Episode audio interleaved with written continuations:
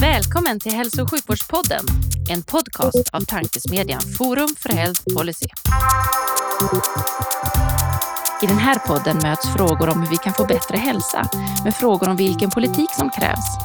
Det kommer bli samtal om personcentrering, ledarskap, digitalisering, organisation, politik och mycket mer.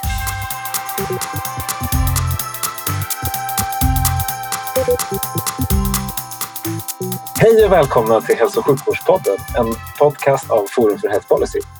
Forum för Health Policy är en oberoende tankesmedja som syftar till att driva på innovation och utveckling i hälso och sjukvården och omsorgen. Jag heter Magnus Lejelöw och arbetar till vardags för Läkemedelsindustriföreningen men är även styrelseledamot eh, i Forum för Health Policy. Och vid min sida sitter med ny titel, Livia.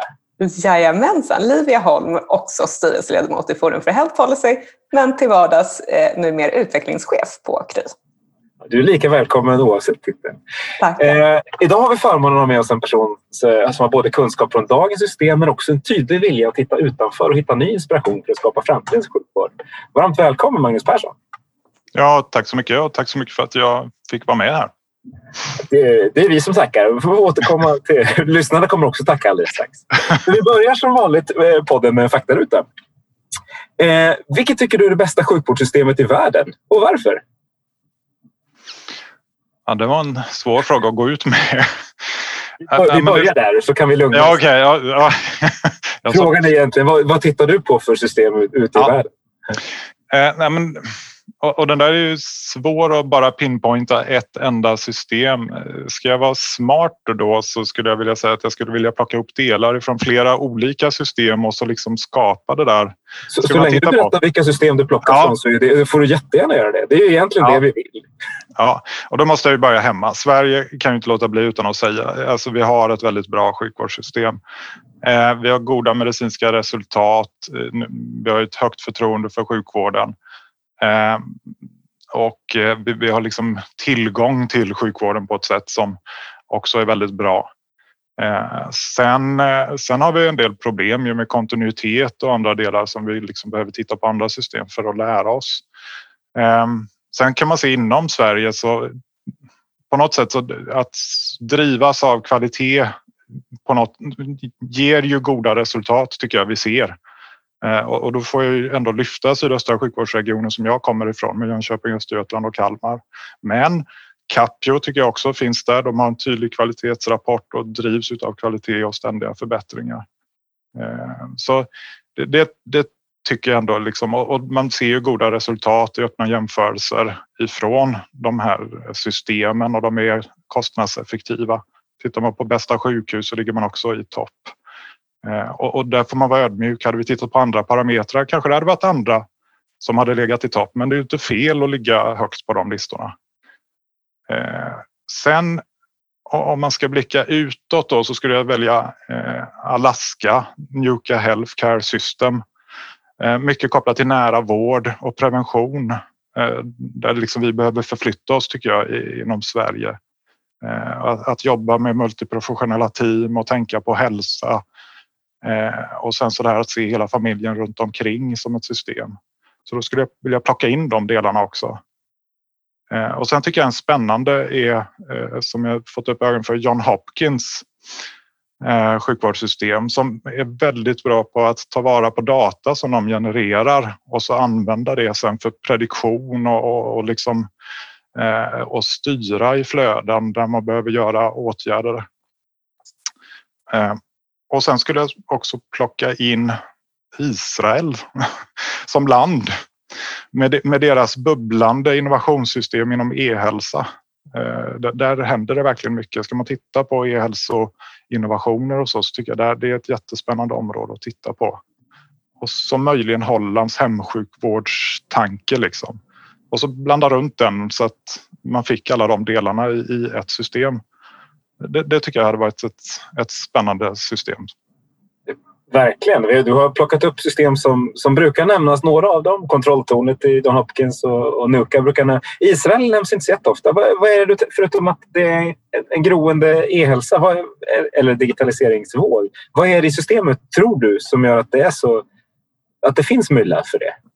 Ja, men jag har förstått att de har satsat mycket på att, att eh, företag som inom e-hälsa eh, som kommer fram med innovationer att bygga eh, den här möjligheten till egen kraft hos individerna.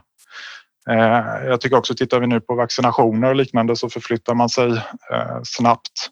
Ehm, på, på e-hälsokonferenser och liknande även i Sverige så eh, många gånger så är det någon, i varje fall utställare från Israel som har någon liksom spännande innovativ produkt eller liknande. Så det, det, jag kan inte sätta fingret på det. Jag har studerat på liksom hur de har byggt sitt system för att gynna det men det finns ändå en kraft där tycker jag som gör att det kommer fram saker. Absolut. Man hör också, det hänger ihop rätt mycket systemet tror jag. Ja. Om, om man har sett där universitetet och liksom staten hänger väldigt väl samman. Eh, men bra, vilken start! Vi bara kastar oss ut med, med första frågan och får, får en så bredd av, av, av svar. Det gillar vi. Eh, vi tar oss till fråga två i faktarutan och det kommer vara lika jobbigt Magnus, för det, vi fortsätter på samma, samma tema. Vilka, vilka är de tre bästa parametrarna att mäta och utvärdera i, i sjukvården, hälso och sjukvården snarare då, och varför? Ja, den var ju svår den också.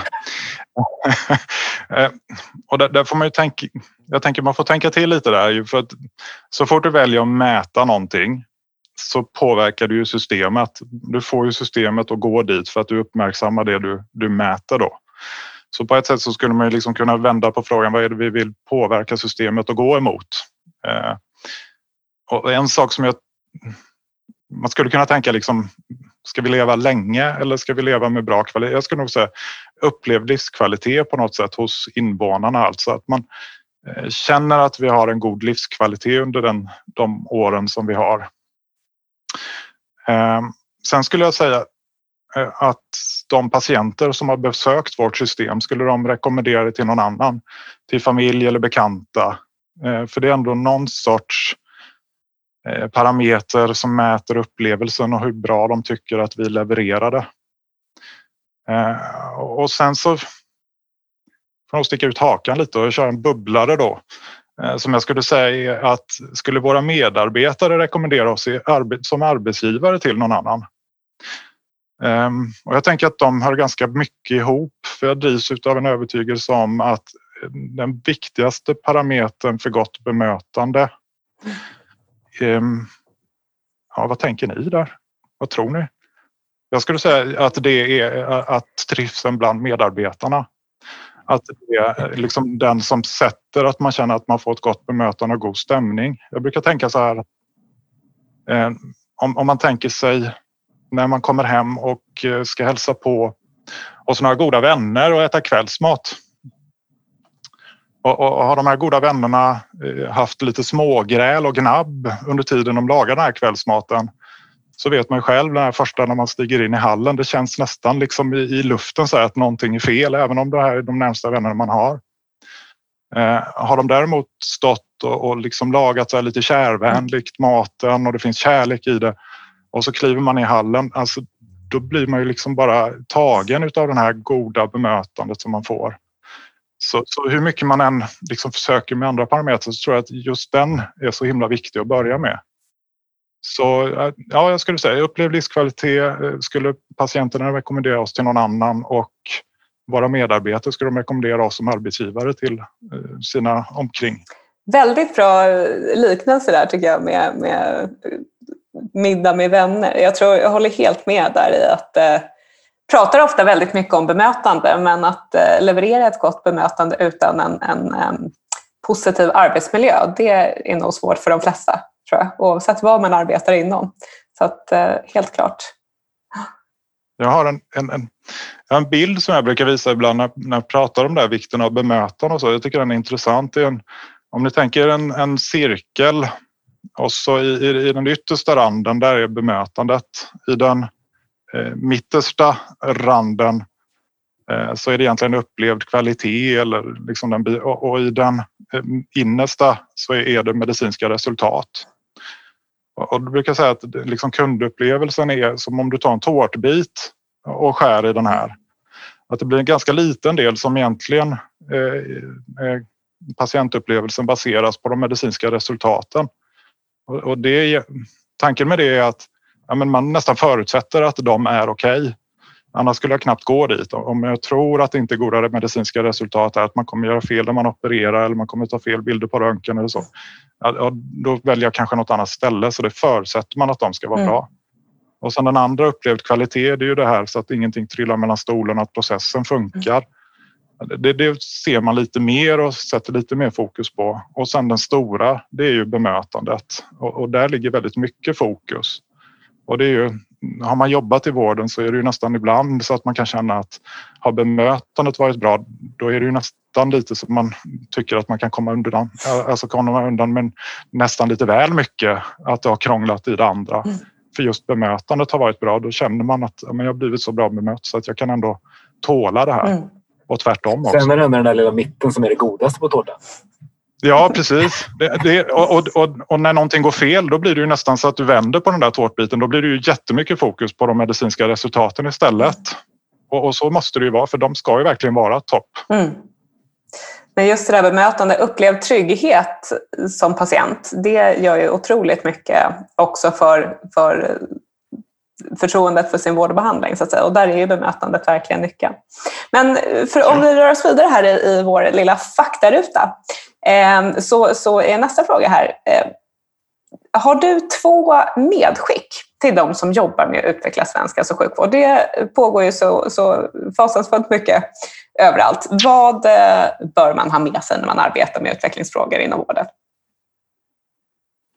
Är det utvecklingsfrågor generellt alltså?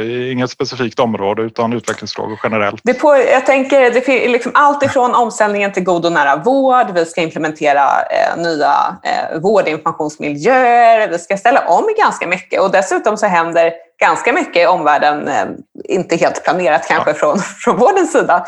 Eh, vad, vad, när man liksom arbetar för, för styrningen här, vad, vad är dina två medskick till Eh, alla de runt om i Sverige som sitter och tänker på det här varje dag? Ja, men jag skulle säga för det första, och det har vi nog lärt oss nu under pandemin väldigt tydligt, eh, alltså vikten av samverkan. Ensam är inte stark, utan finns det möjlighet till samverkan, lärande sinsemellan, eh, att, att verkligen tänka brett och samverka med andra, det är ett framgångsfaktor. Eh, och sen skulle jag säga som så här att när man jobbar med utveckling, det, det, det är ju ofta man eh, går in i problem eller andra delar och, och, och liksom när man gör det, backa tillbaka lite och så, och så att försöka tänka utifrån patientperspektivet eller kundperspektivet och så förenkla utifrån det. Eh, och då, då, är inte det samma som att liksom sätta patienten i fokus utan att verkligen försöka se ifrån ögonen, kanske intervjua eller liknande och förstå den som ska passera igenom och förenkla systemet ur det perspektivet. Eh, det är väl, det är väl två delar i, i liksom utveckling och, och medskick. Bra. Och så då till den sista frågan i faktarutan innan vi ska djupdyka lite mer i eh, vem du är. Eh, så berätta om din finaste patientanekdot och Det är en fördel som, som läkare att man har med sig massor med man bär ju med sig massor med personer och patienter i, i hela livet. Um, om jag ska dra en patientanekdot som jag, som jag tänker tillbaka till faktiskt med jämna mellanrum och så brukar ta fram eh, så är det ända tillbaka när jag gjorde min AT-tjänstgöring. Eh, och då så gjorde jag en placering på, eh, på rättspsykiatrin och psykiatrin i Säter. Ehm, och som AT-läkare så hade man ju ändå fördelen att man kanske kunde spendera lite mer tid med eh, vissa patienter för att lära sig och så. Eh, och en utav patienterna var en ung kille eh, som läste, alltså gick i skola, eh, som var inlagd på grund av depression och nedstämdhet. Och det här var efter, eh, efter jul, ah, liksom, ja, någonstans där under vintern. Eh, och vi började och jag eh, började ha möten med honom. Han var inlagd och han var så nedstämd så han sa ingenting eller pratade ingenting. Men vi satt och vi hade våra möten och så tiden gick. Men sen kom jag också himla tydligt att våren hade börjat komma och vi hade en promenad ute och då, precis vid Sätera så ligger det en sjö. Och vi gick där ute och promenerade och det var lite, sån här, lite vårvärmen. Och så satte vi oss på en bänk nere vid vattnet vid en brygga. Eh, och han satt bredvid och vi tittade bara ut över vattnet och det var helt tyst och man hörde bara liksom naturen runt omkring. Men så efter det så hörde jag att det, det var liksom lät någonting bredvid. Och när jag tittade på honom så ser jag att han, hans läppar rör sig. Han sitter och, och sjunger någonting. Och, och, då så när jag liksom lyssnar in lite mer så hör jag hur han sitter och sjunger och då sjunger han den här eh, ja, nu ska jag försöka mig på, det var länge sedan jag hörde den, men han sjöng den här The botten i snodd. hur långt kan man gå? Hur lågt kan man sjunka? Hur kass kan man må? Kändes för jävligt inom mig, men det börjar bli bättre nu min vän. Och, och den, det var första gången jag hörde honom säga någonting.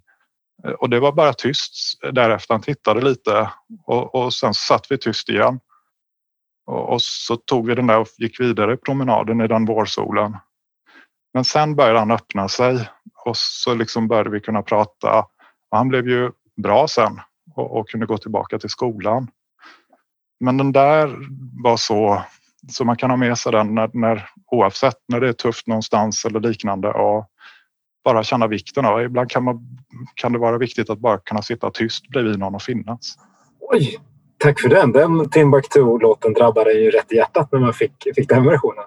När man har hört den liksom som någon slags bakfyllelåt till att bli något, något betydligt djupare än så. Det gillar vi. Ja, men väldigt, ja, den, den... väldigt eh, stark, fin patientanekdot. Ja. Som alltid Livia. Det känns som att eh, en av höjdpunkterna i alla de här poddarna.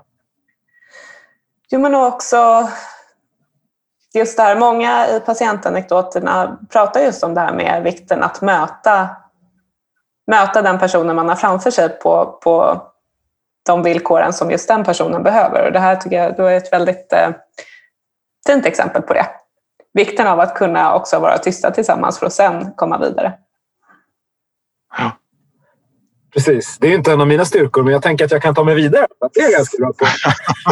det är du. Magnus, vad är din roll idag och vad innebär det? Eh, idag är jag utvecklingsdirektör i Region Kalmar län eh, och det innebär att jag har ansvar för områden såsom kvalitet, patientsäkerhet, förändringsledning, förändringsstöd, invånarmedverkan, eh, innovation, forskning, läkarutbildning, Kliniskt klinisk träningscentra. Vi har ett kompetenscentrum anhöriga, digital förflyttning, transformation, nära vård, omvärldsbevakning, EU, vi har samverkan med universitet. Det är ganska brett om många områden och väldigt roligt. Ja, det brett kan man säga att det var. Jag gissar att dina, dina dagar inte ser varandra så lika ut. Förutom nu då kanske när du sitter hemma och har e-möten oftast antar jag.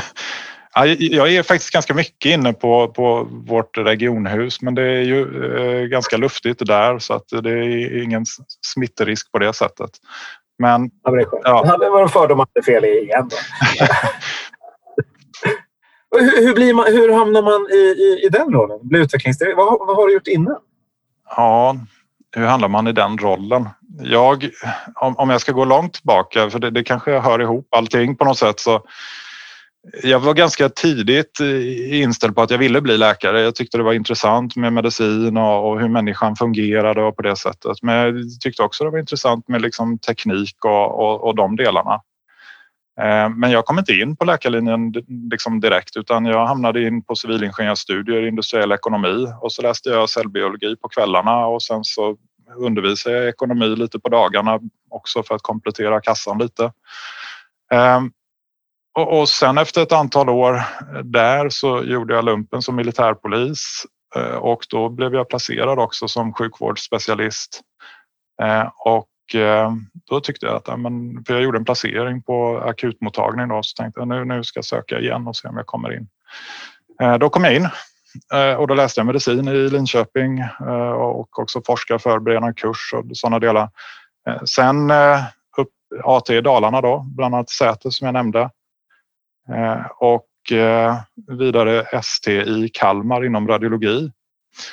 Eh, och där, där var jag väldigt så här att jag vill arbeta med interventionell radiologi för att det här att arbeta med händerna och kunna operera, det var också en specialitet som låg väldigt långt fram i, i liksom medicinska fronten.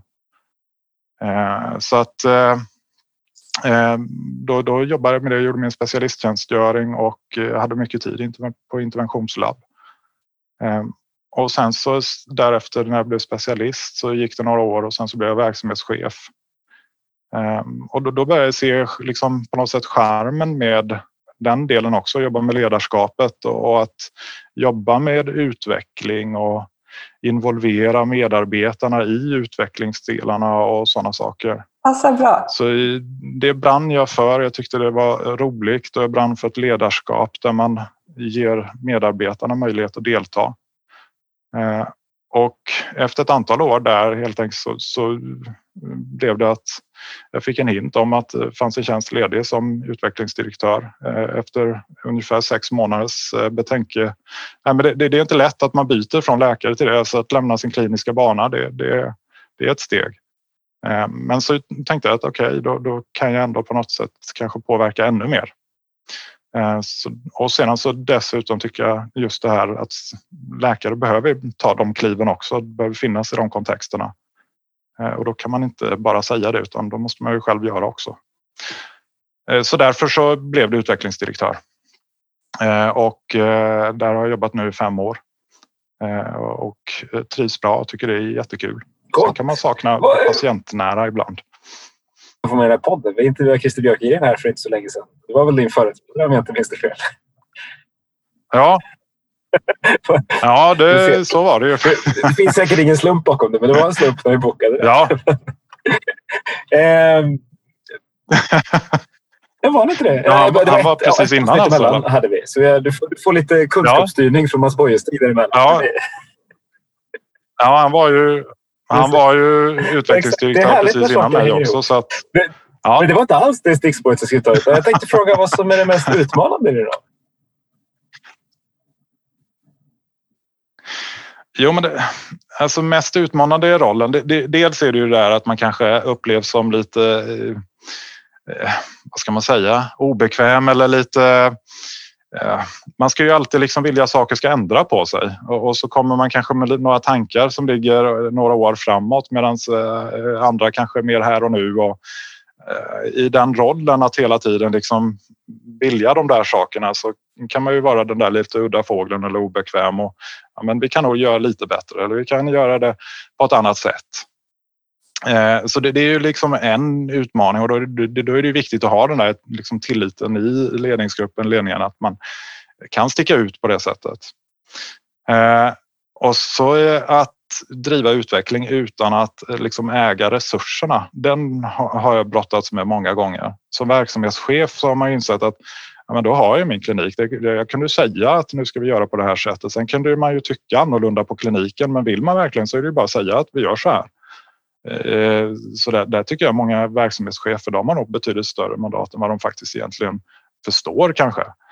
Eh, som utvecklingsdirektör så sitter inte jag i linjen, jag sitter i en stabsfunktion och jag ska ändå få personen att gå i den riktningen. Jag kan inte peka med hela handen på någon på det sättet utan jag måste liksom få andra att köpa in på den idé som jag tror på och med det ledarskapet liksom driva utveckling framåt. Och, och, där är det ju då kanske man har lite olika förståelse för frågorna eller mognad i den delen och, och liksom, det är ju lite pedagogik då också för, förståelse för var, varför är detta viktigt. Eh, så det, det skulle jag säga är en, en stor utmaning jämfört med eh, som verksamhetschef eller när man har direkt resurserna tillgång. Så.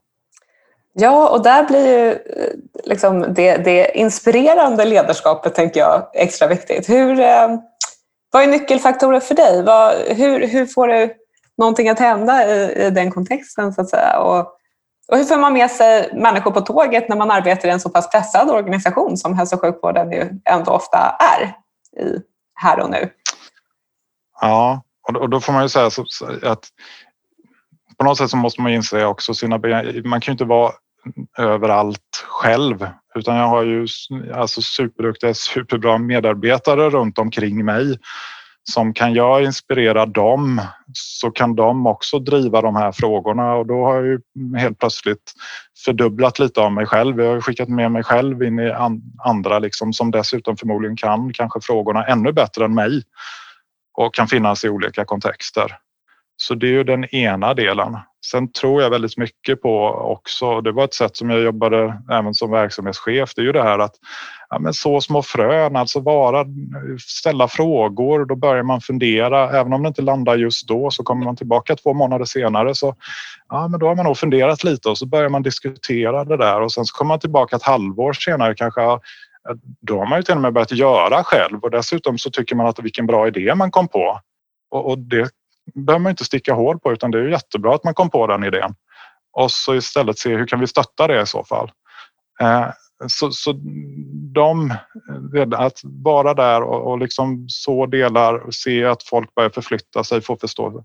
Och sen väldigt mycket som jag drivs av, förklara det här varför. Varför ska vi göra detta? Vad, vad är den djupare meningen i detta? Vad är det vi vill uppnå för någonting?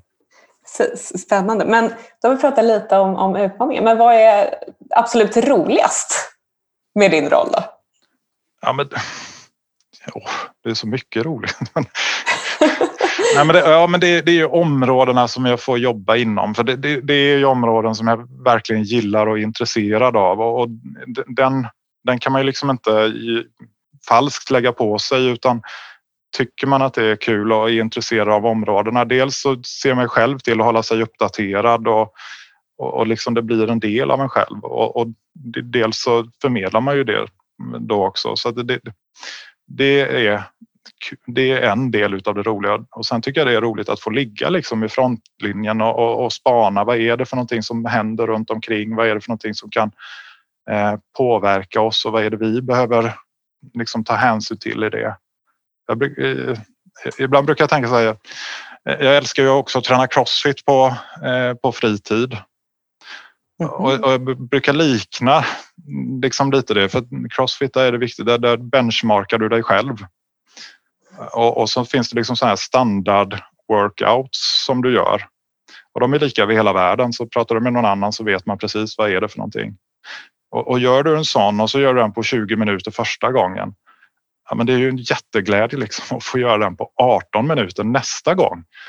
Mm. Och, och, och, där behöver det inte vara det att, att du ska vara liksom starkare eller ha bättre kondition bara för att du ska göra det på 18 minuter utan du kan ha hittat på en mer, ett mer energieffektivt sätt att göra det på eller att du lägger upp det så att du kanske hinner hamna, hämta andan och inte ta slut på det direkt i början och tänka strategiskt så, och då bör man ju lära sig kanske ny teknik och kompetens för det. Och det är ganska likt i, i liksom ett system. Hur lyfter vi in kompetens som behövs för att förstå de här nya arbetssätten? Hur hittar vi nya smartare sätt att göra det på? Det behöver inte alltid vara att man ska liksom springa fortare eller oftast är det inte det alls.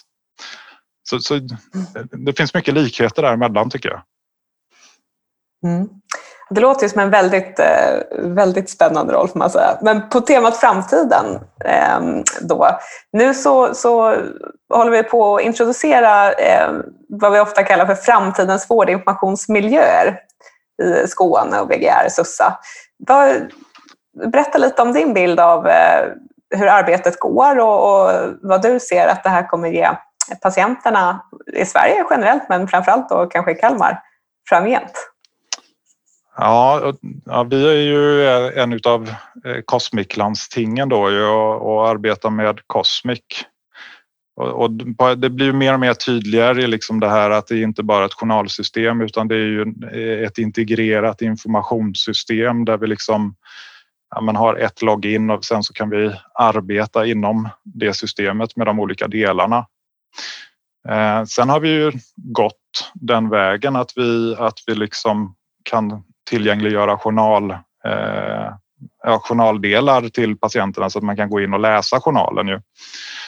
Eh, men, men jag tänker, ska, ska man tänka liksom lite visionärt eller framåt så vore det inte spännande om man hade ett journalsystem som inte bara är till för sjukvården utan att man hade alltså det som genereras data och information och hade det lagrat på ett ställe men sen så speglar man det till hälso och sjukvården på ett sätt som hälso och sjukvården behöver så att man kan få sin information.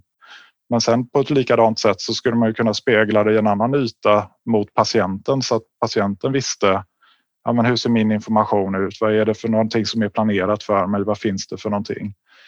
Och, och där skulle man ju också lätt då också kunna tillgängliggöra till exempel för utveckling eller forskning eller så att bara plocka delar ifrån den här gemensamma liksom, ja, datalaken eller poolen eller vad man ska kalla det då.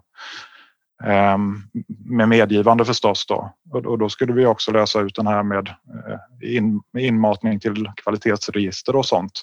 Att det, det skulle ju liksom bara vara att docka på och så kan man hämta det som behövs så behöver inte den dubbelregistreringen heller.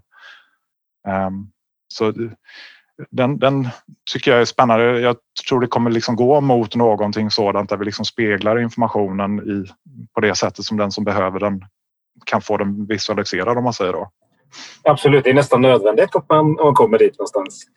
Eh, och nästa steg är väl också att lägga på liksom, externa appar eller det som, den information som patienten genererar själv också. Vad, hur, hur, hur, ser du på det? Ja. Är vården redo för att ta emot information? Nej, men, och, när är vården redo? Förmodligen just nu skulle jag nog inte tro att vården riktigt är redo att göra det för det skulle genereras så väldigt mycket som skulle gå in och hur, hur ska vi liksom, vi måste hitta något sätt att filtrera det då, allting som skulle eh, det här stegräknare, pulsmätare, allting sådant. Så vi liksom, jag själv sitter med en här nu träningsklocka då. Eh, om allt det skulle gå in, vad ska vi göra med den? Men, men i framtiden så kommer vi ju samla in det och på något sätt ha eh, filtrering så att vi, vi kan göra nytta av den datan. Men det får liksom inte bli att det överbelastar hälso och sjukvården eller att det ses som något merarbete att ta hand om det utan det ska liksom vara värdeskapande att vi kan använda det när, när vi behöver och när någonting händer och vi behöver titta på det. Men jag tror också att den här eh, kan man hitta att spegla det till invånarna också på ett sätt så att de kan ta nytta av det. Då tror jag det bygger väldigt mycket sån här, alltså egen motivering till att jobba med hälsa och prevention hos invånaren själv. Jag kan själv se när eh, jag har en vän som för något år sedan skaffade en, en Apple Watch eh, och, och började mäta och, och, som hade problem med sitt blodsocker. Men det blev ju en aha-upplevelse att okej, okay, när, när jag äter detta, lever på det här sättet, rör på mig, tränar, ja, men det ger ju faktiskt bättre resultat i, i, i de parametrarna som jag ser på min Apple Watch. Och, och då födde det motivationen att jag, ja, men jag ser att jag mår bra av det här och jag får det verifierat alla drivs inte utav det, men vissa grupper tror jag liksom kan motiveras väldigt mycket av dem. Absolut, och ändå när du kommer till vården så kommer du få frågan hur mår du? Har du rört dig någonting? Vilket ju egentligen ja. är helt uppenbart för individen och borde kunna vara uppenbart i någon slags bra form för vården. Tänker jag. Ja, dessutom får vi, alltså får vi tillgång till de data och, och jag menar nu är vi flera regioner som är inne i egen monitorering och jag tycker det är jättespännande och, och, och det är första gången vi, vi tittar på ett helt nytt sätt att jobba med kroniker till exempel. Att, att mäta deras parametrar och ta in. Eh, jag brukar säga att det, vi spotifierar eh, kronikervården. Spotify som faktiskt ändrade sättet att lyssna på musik. Det är väldigt sällan vi har gjort det i hälso och sjukvården. Men, men, här gör vi någonting sådant. Vi tittar på ett helt nytt sätt att ta hand om kroniker. Eh, och, och då är det ju så att alla behöver ju inte ha de här eh, liksom kontrollmötena som vi tidigare har bokat in.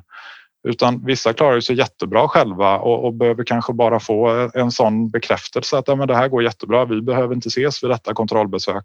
Och så kan vi ju ta den tiden istället och, och liksom lägga på dem som har det lite mer komplicerat eller behöver mer stöd. Så, så det blir också en bättre vård för alla. Absolut. Och på tal om bra vård, om vi ska länka, så, så nämnde du i faktarutan att ni i Kalmar är rätt bra vad det gäller sjukhus som placerar sig högt upp på ranking och sådär. Eh, vi, vi intervjuade Bobo Hallberg i, i Västergötland tidigare och, och han sa det att de hade gjort en egen löpsedel som de satte på väggen där de själva är det bästa sjukhuset. Där de liksom, det är deras målbild. Hur, hur viktig är den här typen av rankningar? För du nämnde ändå det väldigt tidigt. Men hur viktig är rankingen och vad gör ni för att liksom landa in bra på de där? Förutom att liksom jobba för patientens bästa hela tiden. Nej, men, jag tror vi förhåller oss ganska ödmjukt till det. det. Det är klart att återigen, det är inte fel att ligga högt på den rankingen, men det är inte det som är målet som driver någon. Eh, utan jag tycker ändå vi har liksom att vi pratar kvalitet. Vi vill göra bra kvalitet. Vi vill göra bra för invånarna. Det är liksom det som är drivet och, och sen Sen är jag övertygad om att om det är drivet och man drivs av det och hela tiden jobbar med ständiga förbättringar. Hur kan vi liksom göra det ännu bättre idag eh, och, och, och lärande däremellan? Ja, men då, då ger det goda resultat. Men, men själva rankingen är ju inte målet i sig utan målet måste vara någonting djupare med mening som verkligen tilltalar alla. Och det, det, det är ju att skapa god vård för våra invånare. Du var inne lite på det här med, med nya arbetssätt och att eh, ska inte jag försöka Jo, jag försöker. Spotifyera kronikervården. ni kan få, ni kan få låna det. Jag vet inte om det kommer jag får öva på hur man ska uttala det där på ett bra sätt.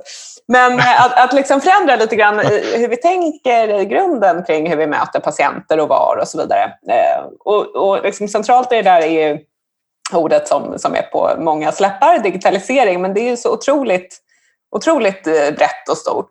Vad, när du tänker på digitalisering, vad, vad betyder det för dig?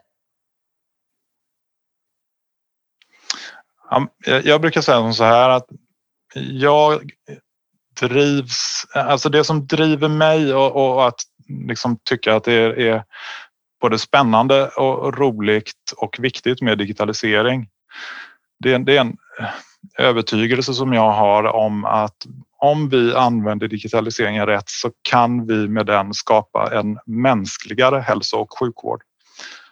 Eh, det kan låta lite konstigt för att digitalisering är ofta teknik eh, som man säger och så. Sen handlar det ju egentligen om verksamhetsutveckling och beteenden och inte teknik. Men eh, just nu är vi ju inne i, vi har börjat använda teknik, imaging, massa med eh, journalsystem, elektroniska journalsystem och dat liksom. Men vi har inte tagit steget fullt ut. Eh, jag tror kan vi liksom ta steget fullt ut och verkligen lära oss använda digitaliseringen, eh, hitta lösningar för att få undan dubbeldokumentation och, och liksom enkla repetitiva saker som faktiskt digitalisering kanske då är bra på. Så kan vi faktiskt frigöra tid som kan användas till det som digitaliseringen inte är bra på. Och det som man säger, liksom digitaliseringen, jag hörde ett citat någon gång, det, det som kan digitaliseras kommer digitaliseras. Det som digitaliseras minskar eller går att kopiera och det som kopieras kan, kommer minska i värde. Och det innebär ju att de här sakerna, de kommer inte vara värda som är, alltså, de kommer inte vi värdera. Ja, det Men det som kommer värderas högt, det är ju det som inte kan digitaliseras. Och då, då, jag, har faktiskt, jag har faktiskt en bild framför mig. Jag pratade digitalisering i förmiddags för en grupp och då avslutade jag med att visa den bilden och det, det är faktiskt ifrån intensivvårdsavdelning. Det, det är en, en, person som står med eh, gasmask, eh, med massor med skärmar.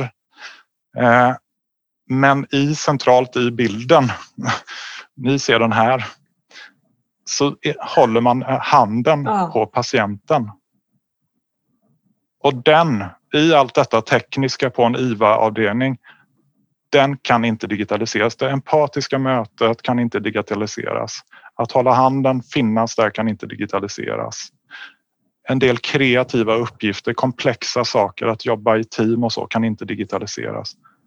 Det kommer öka i värdet och använder vi digitaliseringen på ett bra sätt och smart sätt då kommer vi liksom kunna få möjlighet till det. Annars kommer liksom den eh, ja, demografiska kraven och de bitarna att göra att vi kommer behöva lägga så mycket resurser på att ta hand om sjuka.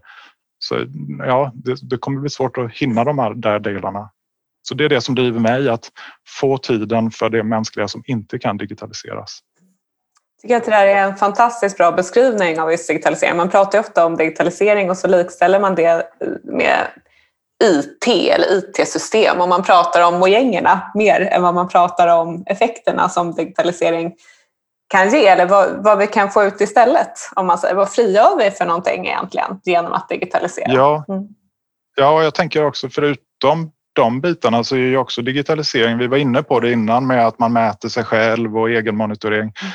Och det, det, ser vi ju själva med bankerna. Eh, när, när, liksom, när de började då blev vi lite frustrerade men nu gör vi ju väldigt mycket bankärenden själva. De har ju till och med varit så smarta så att när, när de kom med att vi kan liksom fota det här OCR-numret på fakturan så tyckte jag helt plötsligt tyckte man åh vilken bra lösning. Det, det, inte det att åh, nu måste jag mata in räkningar själv utan det var ju att banken har hjälpt mig att göra någonting som egentligen var dens uppgift och jag uppskattar det. Mm. Eh, men, men där, där kan vi ju komma med sjukvården också att man känner en trygghet och man kan göra mer som invånare själv för sin hälsa, ta hand om sjukdom om man känner tryggheten i det. Och det skapar ju också tid för det här mer komplexa och det mänskliga eh, när det behövs då. Mm. Ett initierat svar. Jag är inte så förvånad. Jag följer dig på LinkedIn och får, då får, man får sin veckoliga ranson av bra och vettiga artiklar som du delar där. Hinner du, hur hinner du läsa allting? Eh, undrar jag glatt. Och sen undrar jag, hur, hur gör du så att det här blir action i Kalmar? Ja, men eh, att, att hinna läsa det, det är ju på något sätt i och med att jag själv tycker att det här är roligt så det är ju liksom som läsa dagstidningen eller liknande på något sätt. Man försöker hålla reda på. Sen är det ju styrkan i att ha ett stort nätverk också, att man liksom får till sig eller liknande och, och kan få hjälp att hitta saker. Men, men för mig är det liksom en, en, rolig sak. Det är ju läkaryrket och hela tiden liksom eh, förkovra sig och vidareutveckla sig. Läsa på de bitarna. Eh, ja, hur gör man action i Kalmar? Det är ju att, att på något sätt lyfta de här sakerna och, och kunna ta med dem när vi diskuterar inför de strategiska planerna. Vad är det för någonting vi behöver tänka på? Väcka diskussionen så att vi får upp de här delarna. Eh, hur jobbar vi med digitaliseringen? Mm. Och, och, och, vad är det som, varför ska vi göra det? Ja, men okej, det är det här som är en av anledningarna till att jobba med digitalisering. Och sedan så är ju det ganska långa eh, sträckor för att få det att genomsyra hela organisationen. Mm. Men jag tycker vi, vi, vi har en kultur där vi jobbar väldigt mycket med medarbetarnas delaktighet och hela tiden driva förbättringsarbeten och sånt. Så att får man den kulturen och får sen också kryddat med de här Eh, inspirationsdelarna också med vad, vad är det som är viktigt, vad är det vi ska flytta, förflytta oss inom så ser man ju att grupper börjar liksom fånga det. Okej, okay, då ska vi kunna göra på detta sättet, vi ska kunna göra på detta sättet. Mm.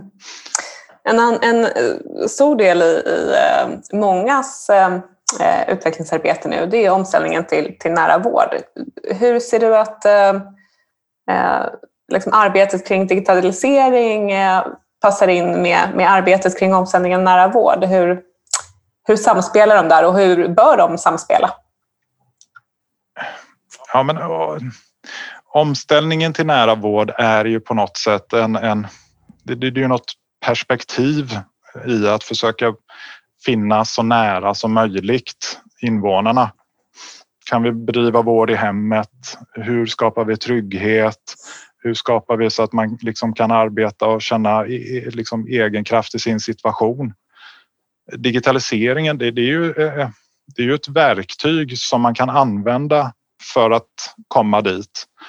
Egenmonitorering egen monitorering är ju en del ehm, en annan del i det är ju digitala vårdmöten där jag liksom brukar säga att vi kan ju använda digitala vårdmöten eller det som ibland kallas ja, digital expertis eller konsultation. Alltså att när man i kommunal hemsjukvård eller på eh, en hälsocentral behöver någon konsult eller behöver någon annan kompetens.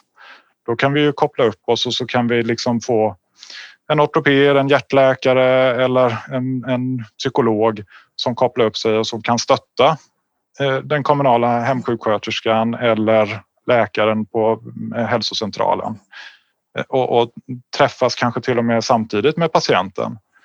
Det spännande där är att då får vi ett lärande också att den som konsulterade får ju vara med och lyssna och kanske nästa gång då ha med sig det och inte behöver konsultera. Patienten får också direkt ifrån specialisten eh, inom det området som man konsulterar eh, direkt informationen. Och behövs ett möte eller liknande så kan man ju också då boka det direkt. Ja, men då är du välkommen och, och träffas då och då passar det. Eh, och då flyttar vi ju oftast så ser vi ju det som att det är patienten som reser in men vi kan lika väl se det som att det är sjukhusspecialisten som faktiskt åker hem till patienten eller till hälsocentralen.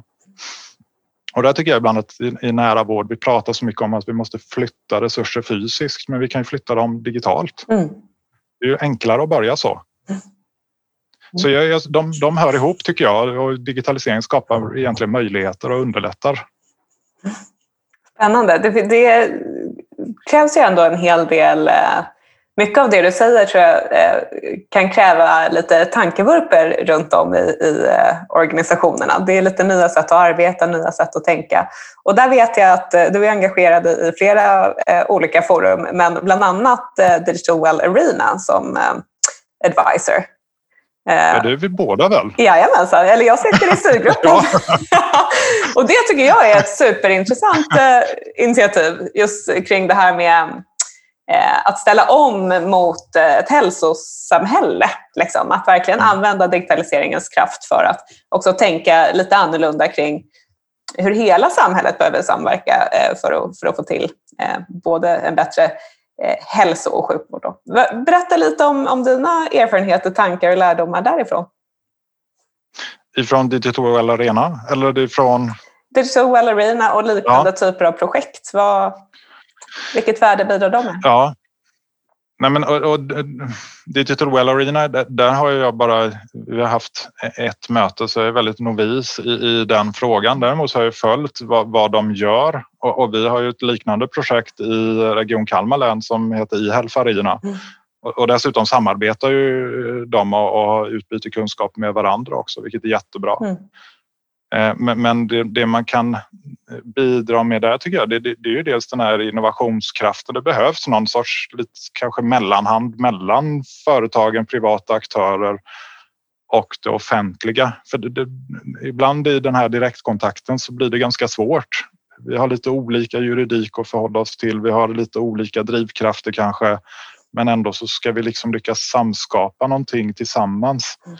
Och det finns en väldig kraft när vi kan göra det. Det ser vi ju att, att vi behöver det. Det är som jag sa i, tidigare att det här med att samverka finns en styrka i.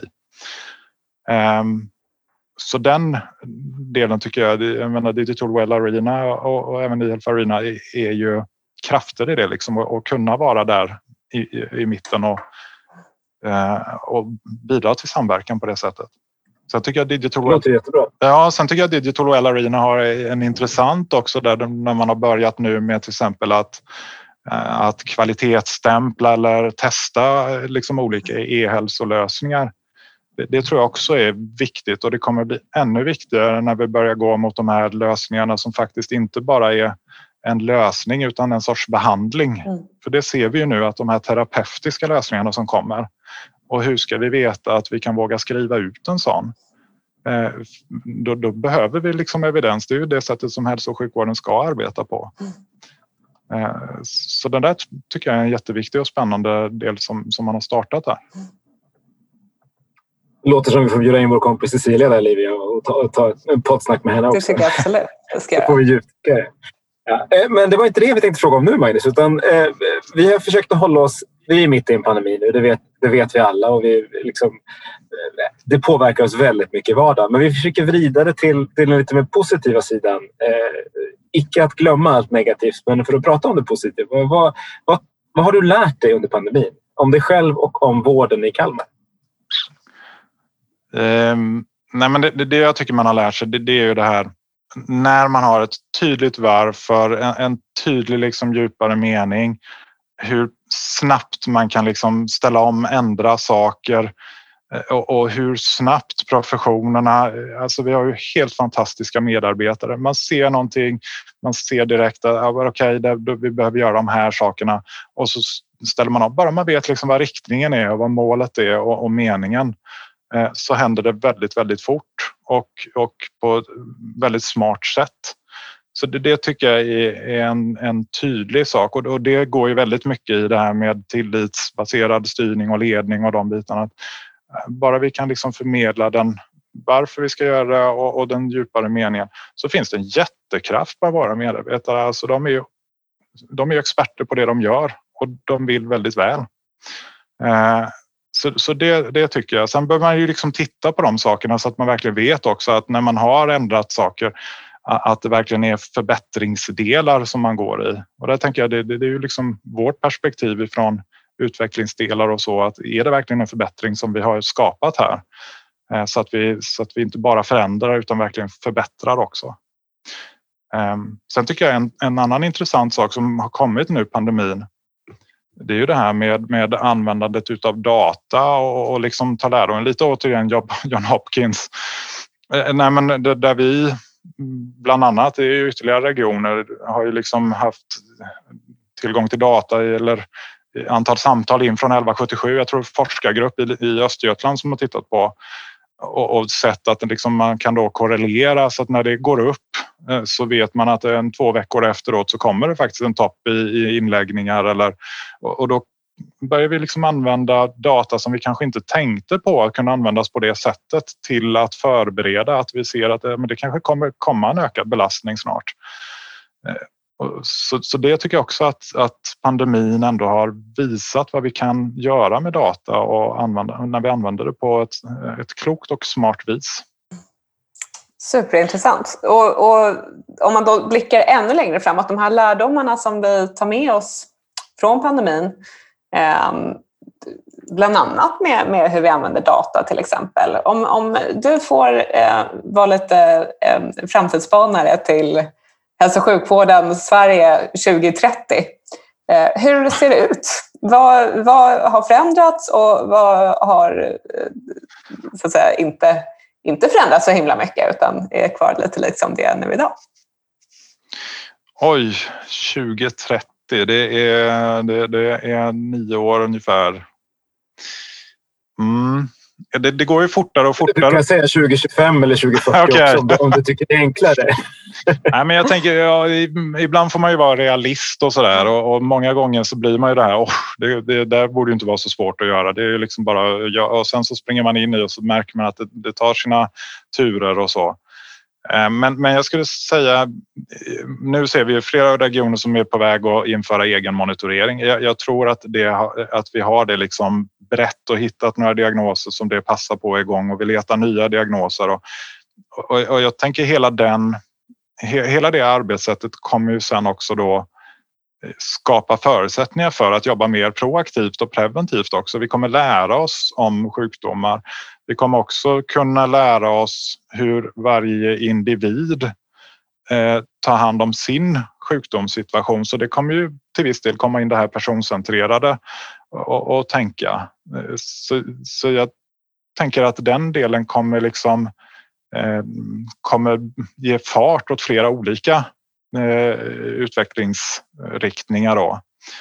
Ehm, så förmodligen mer också prevention, proaktivitet Eh, och sen så nu så ser vi ju till exempel precisionsmedicin som kommer. Ehm, även det ser jag som en del i liksom mer personcentrering egentligen. För det är ju att se vad, vad, hur agerar eller hur ska vi behandla den här personen på bästa sätt utifrån den sjukdom som den har. Ehm, och sen så tänka runt omkring kontexten också. Vad finns det för person, alltså vad är det för styrkor som den har? Vad är det för familjestöd som finns runt omkring? Så vi, i Kalmar brukar vi prata person och familjecentrering. Um, men, men precisionsmedicinen kommer också in där för det, då är det ju liksom precis vad är det för exakt åkomma som den här har? Vad är det för medicinering som passar? Så, så, jag tror vi har flera stycken saker som liksom samspelar och skapar både förutsättningar för kanske mer prevention och mer mm, liksom personcentrering. Eh, det närmar sig ju valet, eh, eller närmar sig närmar sig, det är ett och ett, och ett halvt år till, till val. Eh, om du hade fått möjlighet att spökskriva de politiska partiernas valmanifest. Och då menar jag inte in på vilket parti eller vilken så, men vilka frågeställningar skulle du vilja att man lyfter i, i nästa val? Oh, ja, det, det var en svår fråga. Det är så vi jobbar här. Vi kör breda och svåra frågor. Ja, ja. ja men om man ska säga som så här. Då, det, det är liksom ingen sån här fråga för att skapa debatt eller liknande utan snarare så här att jag skulle vilja skriva ett spökmanifest för samsyn. eh, i vad man liksom skulle kunna enas om framåt. Eh, och den ena den kopplar ju till digitaliseringen som vi har pratat om tidigare. Eh, det här med att skapa förutsättningar för att kunna använda hälsodata. Att verkligen göra det så att vi kan dela information och överföra information. Eh, det är viktigt för forskningen, det är viktigt för Sverige som life science-nation. Eh, patientsäkerheten, att kunna jobba med utveckling och så de här stegen som vi var inne på innan med precisionsmedicin som jag ser är liksom ett steg också till en mer personcentrering och verkligen individanpassa. Ehm, Sen den andra saken som jag skulle vilja lyfta som samsyn det är att se sjukvård som en tjänst. En tjänst där våra patienter och invånare är medskapare både i mötet och i utvecklingen, att vi involverar och skapar tillsammans. Eh, vi kan inte skapa hälsa själva eh, en höftled är inte värd någonting förrän man använder den och upp och går och skapar hälsan med den. Och likadant så utvecklingsarbete som inte svarar mot, mot något behov är inget utvecklingsarbete utan det är bara öds, alltså bortkastad tid. Så att verkligen medskapa tillsammans och se sjukvård som en tjänst. Eh, och sen den sista, att eh, vi eh, har samsyn omkring att visa tillit till våra otroligt duktiga medarbetare. Eh, om de får veta vad som ska göras och varför så eh, kan de jobba med huret på bästa sätt och ta sig fram på ett bra sätt. Eh, jag tycker det med pandemin nu och det vi har varit igenom har inte minst visat det väldigt tydligt. Så eh, håll det enkelt, ha tillit, håll i eh, och, och, arbeta långsiktigt. Och sen så kvalitet som strategi och så allas delaktighet, både medarbetare och invånare, så skapar det goda resultat. Snyggt. Om det var en bred eh, fråga så var det ett väldigt koncist svar. Eh, Samsynspartiet, det kommer i alla fall jag rösta vad det gäller sjukvård nästa gång. Ja, de andra frågorna runt omkring de kan man debattera men det här tycker jag det är det som kommer ta liksom, hälso och sjukvården framåt. Mm. Ja, men vad bra. Eh, när vi pratade här lite innan så sa du att usch, hur ska en timme, hur ska vi kunna fylla en timme? Nu har vi nästan fyllt en timme. Tiden går så fort när man har roligt och det kan jag tro att ni lyssnare också har kommit till. När ni har nästan sprungit milen skulle jag gissa om, in, om inte passerat den. Eh, du Majs, när du kom in i det här digitala rummet, var det något du kände att det här skulle jag vilja prata om som du inte fått prata om? Oh. Eller kan du inte veta då naturligtvis, men nu så här efter att vi har pratat? Nej, man får säga så här, liksom, i, i det här samtalet så blir det ju eh, nej men det, man blir så bunden och engagerad i det så att man, man, tycker ju att det här är det viktigaste att prata om på jorden just nu. Och, och sen säkert efteråt så kommer man säkert på någon sån här att den där hade ju varit intressant att ta upp också. Så, men, men just nu kan jag inte komma på någonting, nej. Men vad bra, vi får väl ta ett uppförande samtal om ett halvår så kanske du har kommit på massa andra saker. Men eh, då tänkte vi att vi ska tacka dig så, så varmt Magnus för ett jätteintressant samtal. Jag är helt övertygad om att alla lyssnare kommer att tycka det också. Och tack även du Livia, som alltid. Och tack till dig Magnus. Tack alla ni som har lyssnat på Forum för Health Policies hälso och sjukvårdspodd. Kommentera gärna och sprid vårt gospel så kan vi fortsätta att förändra svensk hälso och sjukvård tillsammans. Tack så mycket.